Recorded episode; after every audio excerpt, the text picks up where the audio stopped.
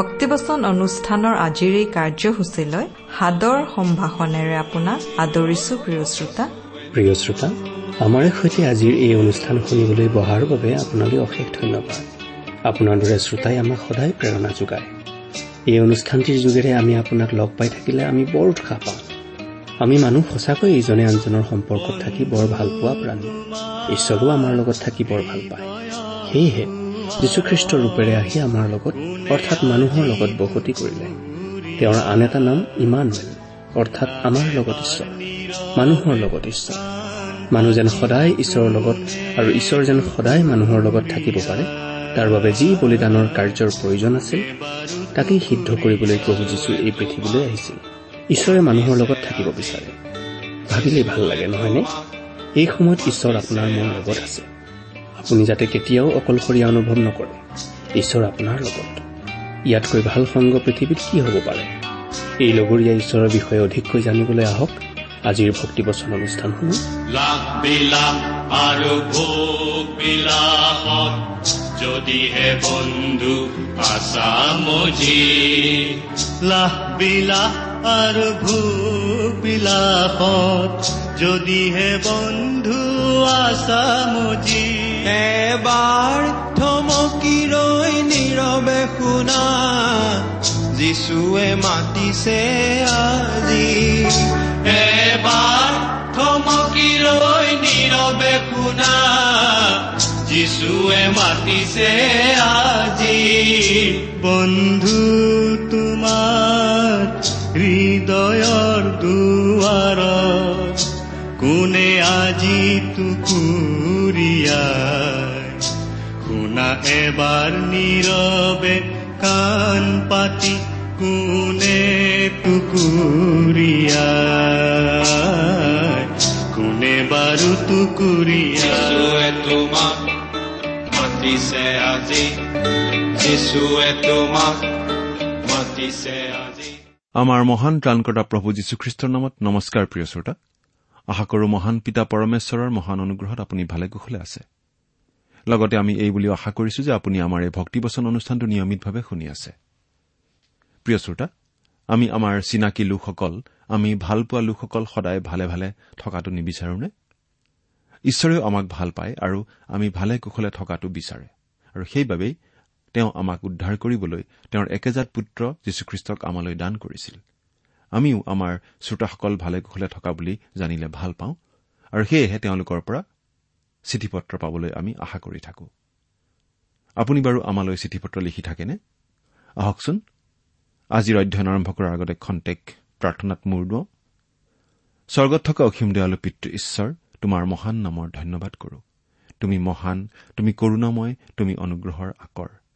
তোমাৰ অনুগ্ৰহতেই আজি আমি প্ৰভু যীশুত বিশ্বাস কৰি পৰিত্ৰাণ পাব পৰা হৈছো তোমাক পিতৃ বুলি মাতিব পৰা হৈছো।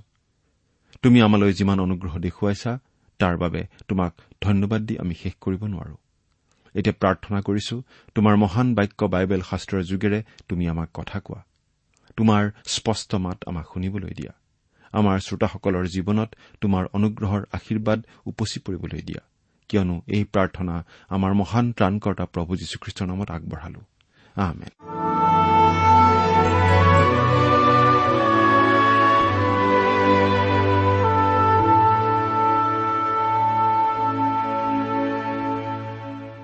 প্ৰিয় শ্ৰোতা আমি আজি ভালেমান দিন ধৰি বাইবেলৰ পুৰণি নিয়ম খণ্ডৰ চলোমনৰ পৰম গীত নামৰ পুস্তকখন অধ্যয়ন কৰি আছিলো। নহয়নে বাৰু?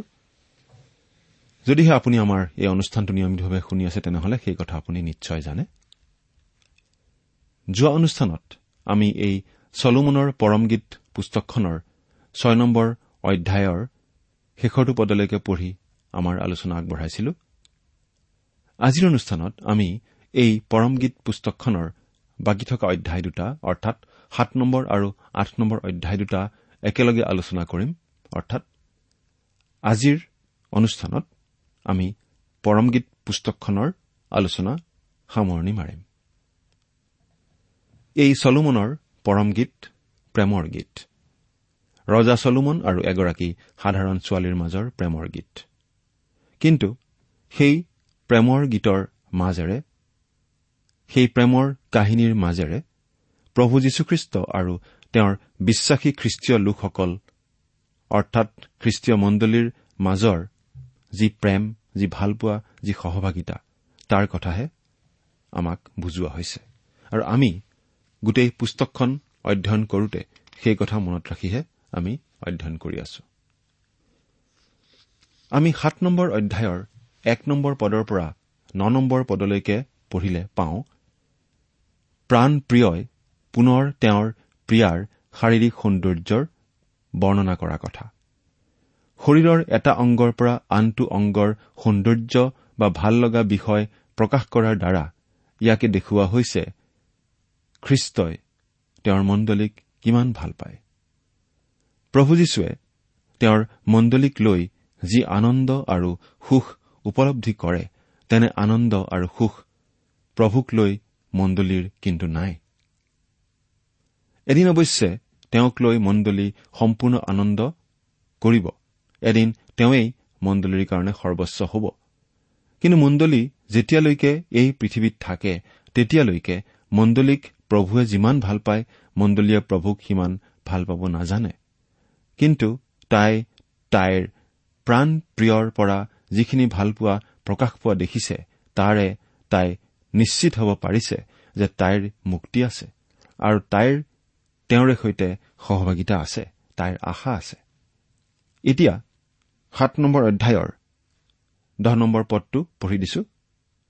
মই মোৰ প্ৰিয়ৰ আৰু তেওঁৰ বাঞ্ছা মোলৈ। এয়া প্ৰিয়াই প্ৰাণ প্ৰিয়ৰ ক্ষেত্ৰত যি ক'ব লাগে তাক কেৱল এটা পদতেই কৈ শেষ কৰিছে। কৈছে মই মোৰ প্ৰিয়ৰ আৰু তেওঁৰ বাঞ্ছা মোলৈ।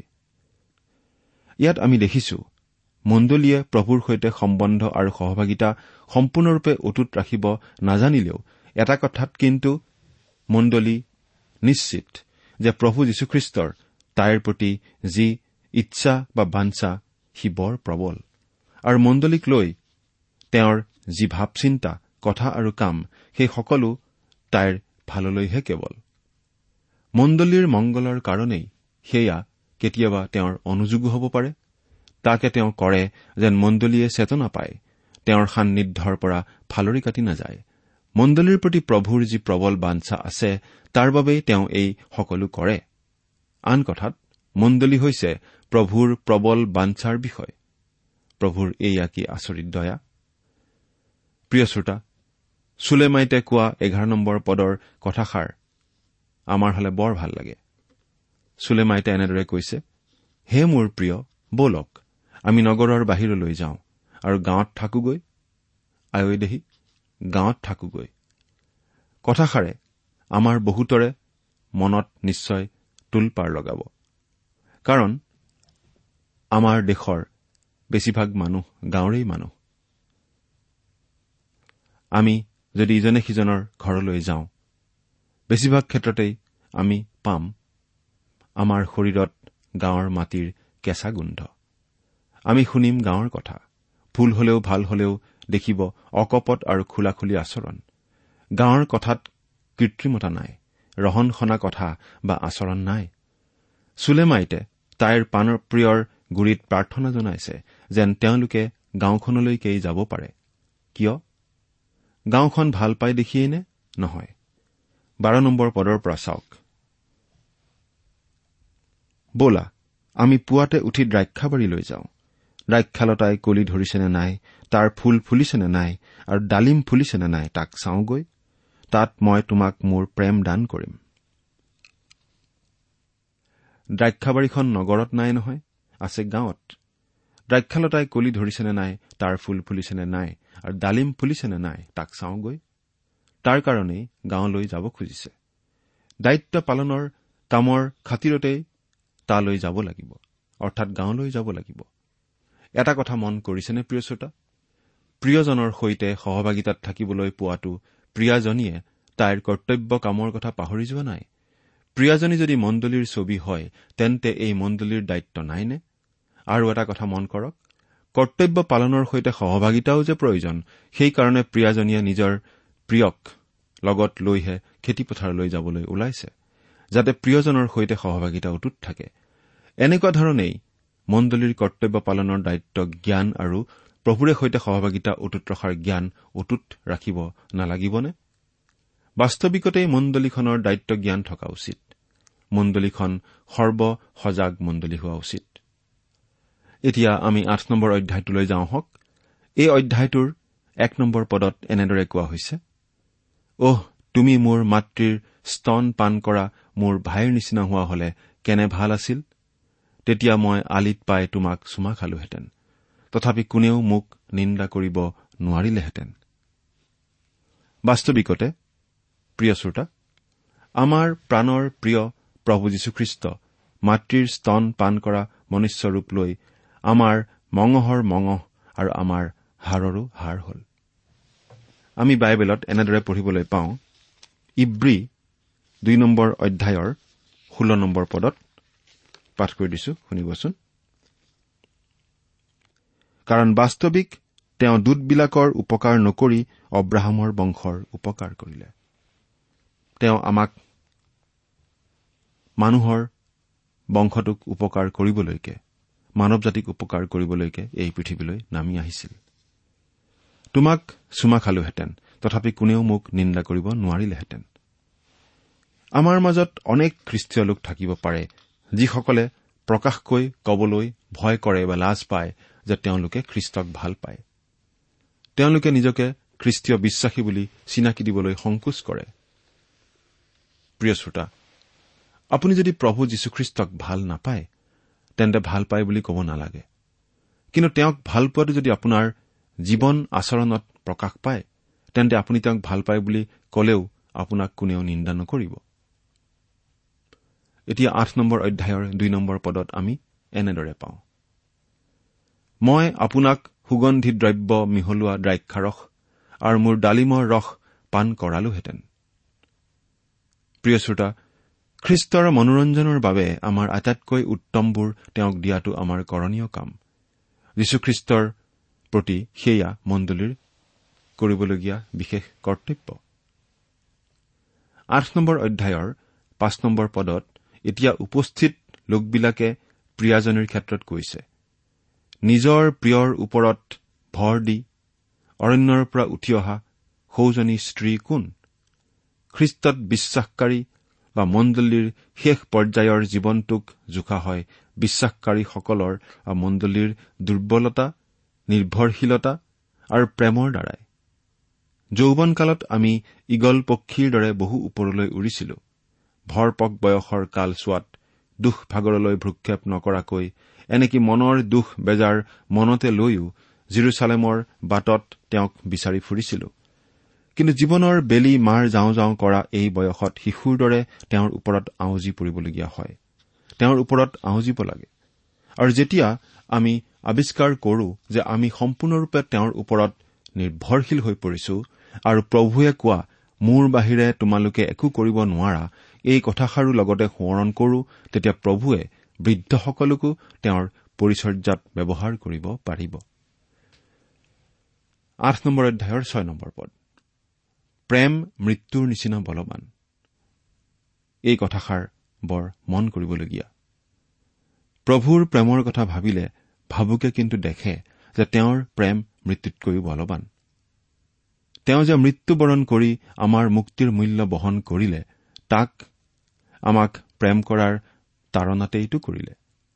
আমাক প্ৰেম কৰি আমাৰ পৰিত্ৰাণ সাধন কৰা কাৰ্যত মৃত্যুৱে তেওঁক বাধা দি ৰাখিব নোৱাৰিলে। মৃত্যুৰ ডিঙিত গচকিও তেওঁ আমাক উদ্ধাৰ কৰিলে কাৰণ তেওঁ আমাক প্ৰেম কৰিলে। আমাৰ প্ৰতি থকা তেওঁৰ প্ৰেম মৃত্যুতকৈও বলৱান। আকৌ কৈছে অন্তৰ্জালা কবৰৰ দৰে নিষ্ঠুৰ। সেইকাৰণেই এলিয়াৰ নিচিনা ঈশ্বৰৰ কাৰণে উদ্যোগী অন্তৰৰ মানুহেও ঈশ্বৰ বিৰোধী বাল দেৱতাৰ ভাৱবাদীসকলৰ বিৰোধৰ অন্তৰ্জালাৰ তাৰণাত সেই ভাৱবাদীসকলক নিষ্ঠুৰভাৱে বধ কৰিছিল। আৰু সেই অন্তৰ্জালাই পৌলক নিষ্ঠুৰ ৰূপে ঘোষণা কৰোৱাইছে। কোনোৱে যদি প্ৰভুক প্ৰেম নকৰে তেওঁ শাপগ্ৰস্ত হওক। প্ৰথম কৰিন্ঠিয়া ষোল্ল নম্বৰ অধ্যায়ৰ বাইশ নম্বৰ পদ। অন্তৰ্জালা কবৰৰ দৰে নিষ্ঠুৰ কিমান সঁচা কথা নহয়নে প্ৰিয় শ্ৰোতা? তাৰ শিখা অগ্নিশিখা। প্ৰভুৰ শিখা বাস্তৱিকতেই অগ্নিশিখা যি অগ্নিশিখাৰ তাৰণাত তেওঁ কৈছিল তোমাৰ গৃহলৈ মোৰ যি উৎসাহ সেয়ে মোক গ্ৰাস কৰিব। জোখন দুই অধ্যায় সোতৰ পদ। আঠ নম্বৰ অধ্যায়ৰ সাত নম্বৰ পদৰ কথাটোলৈ চাওক। জলসমূহেও প্ৰেমক নুমাব নোৱাৰে। বানপানীয়েও তাক তল নিয়াব নোৱাৰে। সৰ্বস্ব দিলেও সি হয় অৰ্থহীন। খ্ৰীষ্টৰ পৰা আমি কিমানবাৰ বিচলিত হৈছো কিন্তু আমাৰ বিচলিত হোৱাই তেওঁৰ প্ৰেম ৰুদ্ধ কৰিব পৰা নাই। তেওঁ আমাক ভাল পায় যেন আমিও তেওঁক ভাল পাওঁ। প্ৰেমেৰেই প্ৰেমলৈ তেওঁ আমাক আকৰ্ষণ কৰিছে। আঠ নম্বৰ অধ্যায়ৰ আঠ নম্বৰ পদৰ সৰু ভনীজনী বাৰু কোন? অপুৰঠ সৰু বয়সৰ পৰজাতীয় মণ্ডলীবিলাকৰ কথাকেই ইয়াত কোৱা হৈছে। এনে অযোগ্য অপুৰঠ ভনীৰ হৈ কোনে কেতিয়া কথা কলে? এজনে মাথো কলে আৰু গ্ৰহণো কৰিলে আৰু তেওঁই হৈছে পৰিত্ৰতা প্ৰভু যীশুখ্ৰীষ্ট। পৰজাতীয় অৰ্থাৎ অনা যিহুদী লোকসকলৰ মাজত খ্ৰীষ্টৰ শুভবাৰ্তা ঘোষণা কৰা হ'ল আৰু মণ্ডলীও স্থাপন হ'ল। আজিৰ খ্ৰীষ্টীয় মণ্ডলী আচলতে অনাজিহুদী লোকৰেই মণ্ডলী। সেই মণ্ডলীৰ বিষয়ে খ্ৰীষ্টই কি কয় আমি সেই কথা ইয়াত পাইছো। এতিয়া ন নম্বৰ পদটো পাঠ কৰি দিম। তাই যদি গড়স্বৰূপ হয় তেন্তে আমি তাৰ ওপৰত এটা ৰূপৰ বুৰুজ সাজিম। নাইবা যদি দুৱাৰস্বৰূপ হয় তেন্তে এৰছ কাঠৰ তক্তাৰে তাক বন্ধ কৰিম। তাই যদি গড়স্বৰূপ হয় তেন্তে আমি তাৰ ওপৰত এটা ৰূপৰ বুৰুজ সাজিম। পৰজাতীয় লোকসকলেও যেতিয়া প্ৰভু যীশুত বিশ্বাস স্থাপন কৰি ঈশ্বৰলৈ আহিছে ঈশ্বৰে তেওঁলোকক যিহুদী খ্ৰীষ্টীয় বিশ্বাসীসকলৰ লগত একেলগে গাঁঠি আছে আত্মাৰে ঈশ্বৰৰ নিবাস কৰি তুলিবলৈ। ইব্ৰী মণ্ডলীক যদি ডাঙৰ ভনী বুলি আমি কওঁ তেন্তে পৰজাতীয় লোকসকলৰ মণ্ডলী হৈছে সৰু ভনী। যিহুদী মণ্ডলীৰ মাজত প্ৰশ্ন উঠিছিল সেই পৰজাতীয় মণ্ডলীক কেনেধৰণে গঢ় দিয়া যায়? সেই বিষয়ে নানা ধৰণৰ আলোচনাও হৈছিল কিন্তু তেওঁলোকৰ ওপৰত মুচিৰ বিধানৰ বোজা জাপি নিদিবলৈকে সিদ্ধান্ত হৈছিল। আমি পাচনি কৰ্ম পোন্ধৰ নম্বৰ অধ্যায়ৰ ঊনৈশ নম্বৰ পদত এনেদৰে পঢ়িবলৈ পাওঁ। এইকাৰণে মোৰ বিবেচনা এই। পৰজাতিৰ লোকৰ মাজত যিবিলাকে ঈশ্বৰলৈ পালোতিছে তেওঁবিলাকক আন ভাৰ নিদিওঁ। তেওঁলোকে পৰাজাতীয় লোকসকলক মুচিৰ বিধানৰ অধীন নকৰাকৈ যেনে আছে তেনেভাৱেই গ্ৰহণ কৰি ল'বলৈ সিদ্ধান্ত লৈছিল আৰু তেওঁলোকক বিশ্বাসত বৃদ্ধি কৰাত সহায় কৰিছিল। মই গড়স্বৰূপ আছিলো আৰু মোৰ স্তন দুটি তাৰ বুৰুজস্বৰূপ আছিল। এই নিমিত্তে মই তেওঁৰ দৃষ্টিত অনুগ্ৰহ পাওঁতাৰ নিচিনা হলো। এইটো হৈছে সেই সৰু ভনীৰ আনন্দৰ কথা। যেতিয়া জিৰচালেমৰ মহাসভাই পৰজাতীয়সকলক একো অতিৰিক্ত বোজা নিদিয়াকৈ গ্ৰহণ কৰিছিল তেতিয়া তেওঁলোকে আনন্দ কৰিছিল। তেওঁলোকে তাক পঢ়ি আশ্বাসজনক কথাৰ কাৰণে আনন্দ কৰিলে। পাচনি কৰ্ম পোন্ধৰ নম্বৰ অধ্যায়ৰ একত্ৰিশ নম্বৰ পদ। তেওঁলোকক ঈশ্বৰৰ মন্দিৰৰ এখন বেৰ বুলি গ্ৰহণ কৰা বুলি জানিব পাৰি তেওঁলোকে অতিশয় আনন্দ কৰিছিল। আমি ইফিচিয়া পুস্তকৰ দুই নম্বৰ অধ্যায়ৰ ঊনৈশ নম্বৰ পদৰ পৰা বাইশ নম্বৰ পদলৈকে পঢ়িলে এনেদৰে পঢ়িবলৈ পাওঁ। পাঠ কৰি দিছো। এতেকে তোমালোক এতিয়াৰ পৰা অতিথি আৰু প্ৰবাসী নোহোৱা কিন্তু পবিত্ৰ লোকৰ সহবাসী আৰু ঈশ্বৰৰ পৰিয়ালস্বৰূপ হৈছা। আৰু খ্ৰীষ্ট যীশু স্বয়ং চুকৰ প্ৰধান শিলস্বৰূপে থকা পাচনি আৰু ভাৱবাদীবিলাকৰ ভিত্তিমূলত তোমালোক গঁঠা হৈছা। গাঁথনিৰ সকলোৱেই তেওঁতেই সংলগ্ন হৈ পবিত্ৰ মন্দিৰ হবলৈ প্ৰভূত বৃদ্ধি পাইছে। তেওঁতেই তোমালোকেও একেলগে গঁঠা হৈ আত্মাৰে ঈশ্বৰৰ এক আবাস হৈ উঠিছা। অৰ্থাৎ সেই পৰজাতীয় লোকসকল ঈশ্বৰৰ মন্দিৰৰ এটা বিশেষ অংগস্বৰূপ হৈ গঠিত হৈছিল। অৰ্থাৎ তেওঁলোক সেই যিহুদীসকলৰ সৈতে একে বুলি ঈশ্বৰৰ দ্বাৰা গণিত হৈছিল। আৰু সৰু ভনী মানে আচলতে এই পৰজাতীয় লোকৰ মণ্ডলীকেই বুজোৱা হৈছে। সেই সৰু ভনী অৰ্থাৎ পৰজাতীয় মণ্ডলীয়ে বহুত নতুন নতুন বিশ্বাসীৰ জন্ম দি আম্মিকভাৱে লালন পালন কৰিছিল। তেওঁলোকক ঈশ্বৰৰ বাক্যৰূপী আম্মিক স্তন পান কৰাই ডাঙৰ দীঘল কৰিছিল। সৰু ভনীৰ এই দৃষ্টান্তটোৰ মাজত আমাৰ বাবে এটা মিছনেৰী বাৰ্তা আছে। আমি এই কথা মনত ৰখা উচিত যে এই সৰু ভনী মানে পৃথিৱীৰ সকলো জাতিৰ লোক সকলো অনাজিহুদী লোক। পৃথিৱীৰ বহুতো ঠাইৰ লোকে দৰা অৰ্থাৎ যীশুখ্ৰীষ্টৰ আহানৰ প্ৰতি সঁহাৰি জনোৱা নাই কাৰণ তেওঁলোকে তেওঁৰ মাত শুনাৰ সুবিধাই পোৱা নাই। আমি ৰুমিয়া দহ নম্বৰ অধ্যায়ৰ চৈধ্য নম্বৰ পদত এনেদৰে পঢ়িবলৈ পাওঁ পাঠ কৰি দিছো। পাছে যিজনাত তেওঁলোকে বিশ্বাস কৰা নাই সেইজনৰ আগত কেনেকৈ প্ৰাৰ্থনা কৰিব? আৰু যিজনৰ বিষয়ে শুনা নাই তেওঁতনো কেনেকৈ বিশ্বাস কৰিব? এৰা বহুতে প্ৰভু যীশুৰ বিষয়ে শুনাই নাই গতিকে তেওঁলোকে বিশ্বাস কৰাৰ সুবিধাই পোৱা নাই। আৰু তেওঁলোকক শুনোৱাৰ দায়িত্ব আমাৰ অৰ্থাৎ খ্ৰীষ্টীয় মণ্ডলীৰ। এঘাৰ নম্বৰ পদ। বালহামুনত চলোমনৰ এখন দ্ৰাক্ষাবাৰী আছিল। তেওঁ তাক কেইজনমান ৰুখিয়াৰ হাতত সমৰ্পণ কৰিছিল। তাৰ গুটিৰ নিমিত্তে প্ৰতিজনে এক এক হাজাৰ চেকল ৰূপ আনি দিবলগীয়া হৈছিল। চলোমনৰ এখন দ্ৰাক্ষাবাৰী আছিল। চলোমন আচলতে খ্ৰীষ্টৰ এজন প্ৰতীক। কইনা অৰ্থাৎ যিহুদী আৰু পৰজাতীয় লোকৰ মণ্ডলীয়ে সেই দ্ৰাক্ষাবাৰীৰ কাহিনী কয়। প্ৰথমতে সেই দ্ৰাক্ষাবাৰী তাৰ মূল গৰাকীৰ অধীনত আছিল অৰ্থাৎ ইছৰাইল জাতিৰ অধীনত আছিল আৰু সেই দ্ৰাক্ষাবাৰী তেওঁলোকৰ হাতত গতাই দিয়া হৈছিল। এই দ্ৰাক্ষাবাৰী সম্বন্ধে এটা দৃষ্টান্ত আমি পঢ়িবলৈ পাওঁ।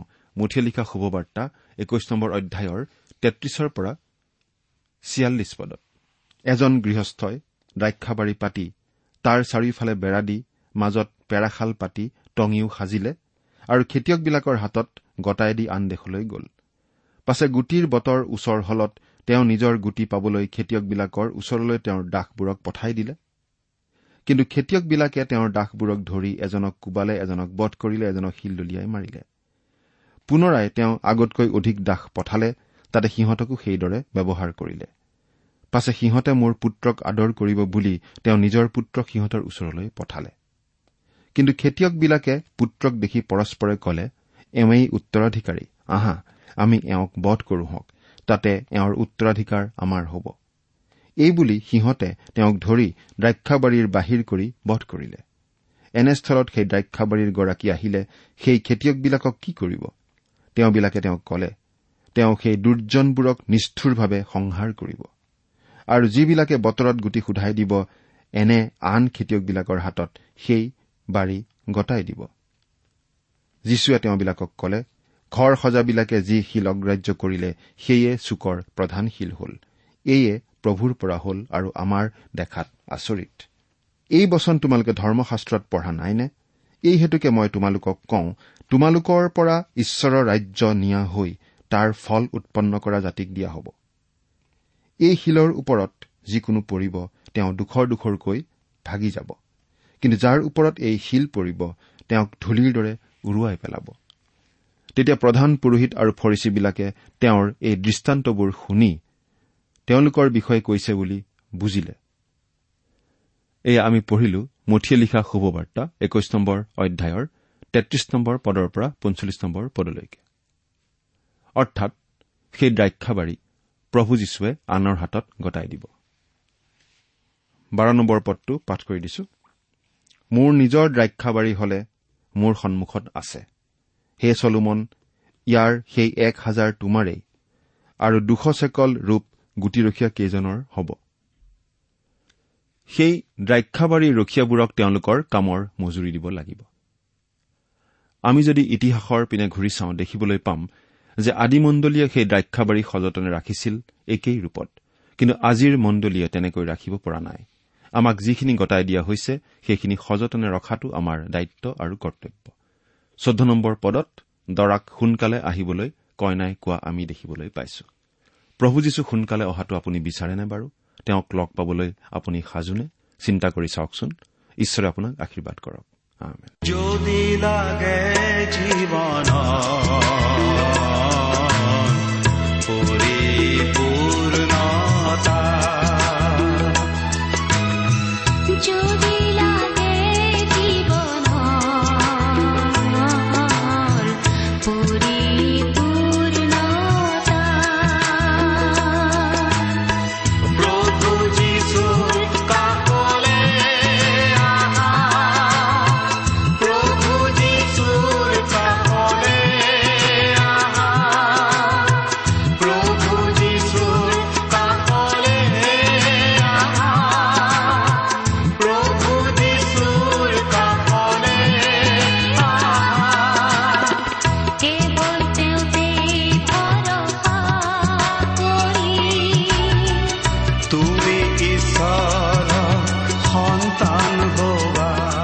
ইমান পৰে আপুনি ঈশ্বৰৰ বাক্যৰ পৰা শিক্ষা শুনিলে। এই বিষয়ে আপোনাৰ মতামত জানিবলৈ পালে আমি নথৈ আনন্দিত হ'ম।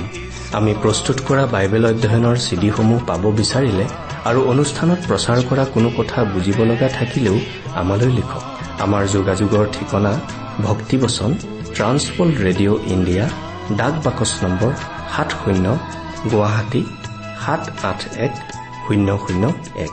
ঠিকনাটো আকৌ এবাৰ কৈছো ভক্তিবচন ট্ৰান্সৱৰ্ল্ড ৰেডিঅ' ইণ্ডিয়া ডাক বাকচ নম্বৰ সাত শূন্য গুৱাহাটী সাত আঠ এক শূন্য শূন্য এক। আমাৰ ইমেইল এড্ৰেছটো হৈছে Assamese T TV at the rate radio' eight eight two dot com. জীৱনৰ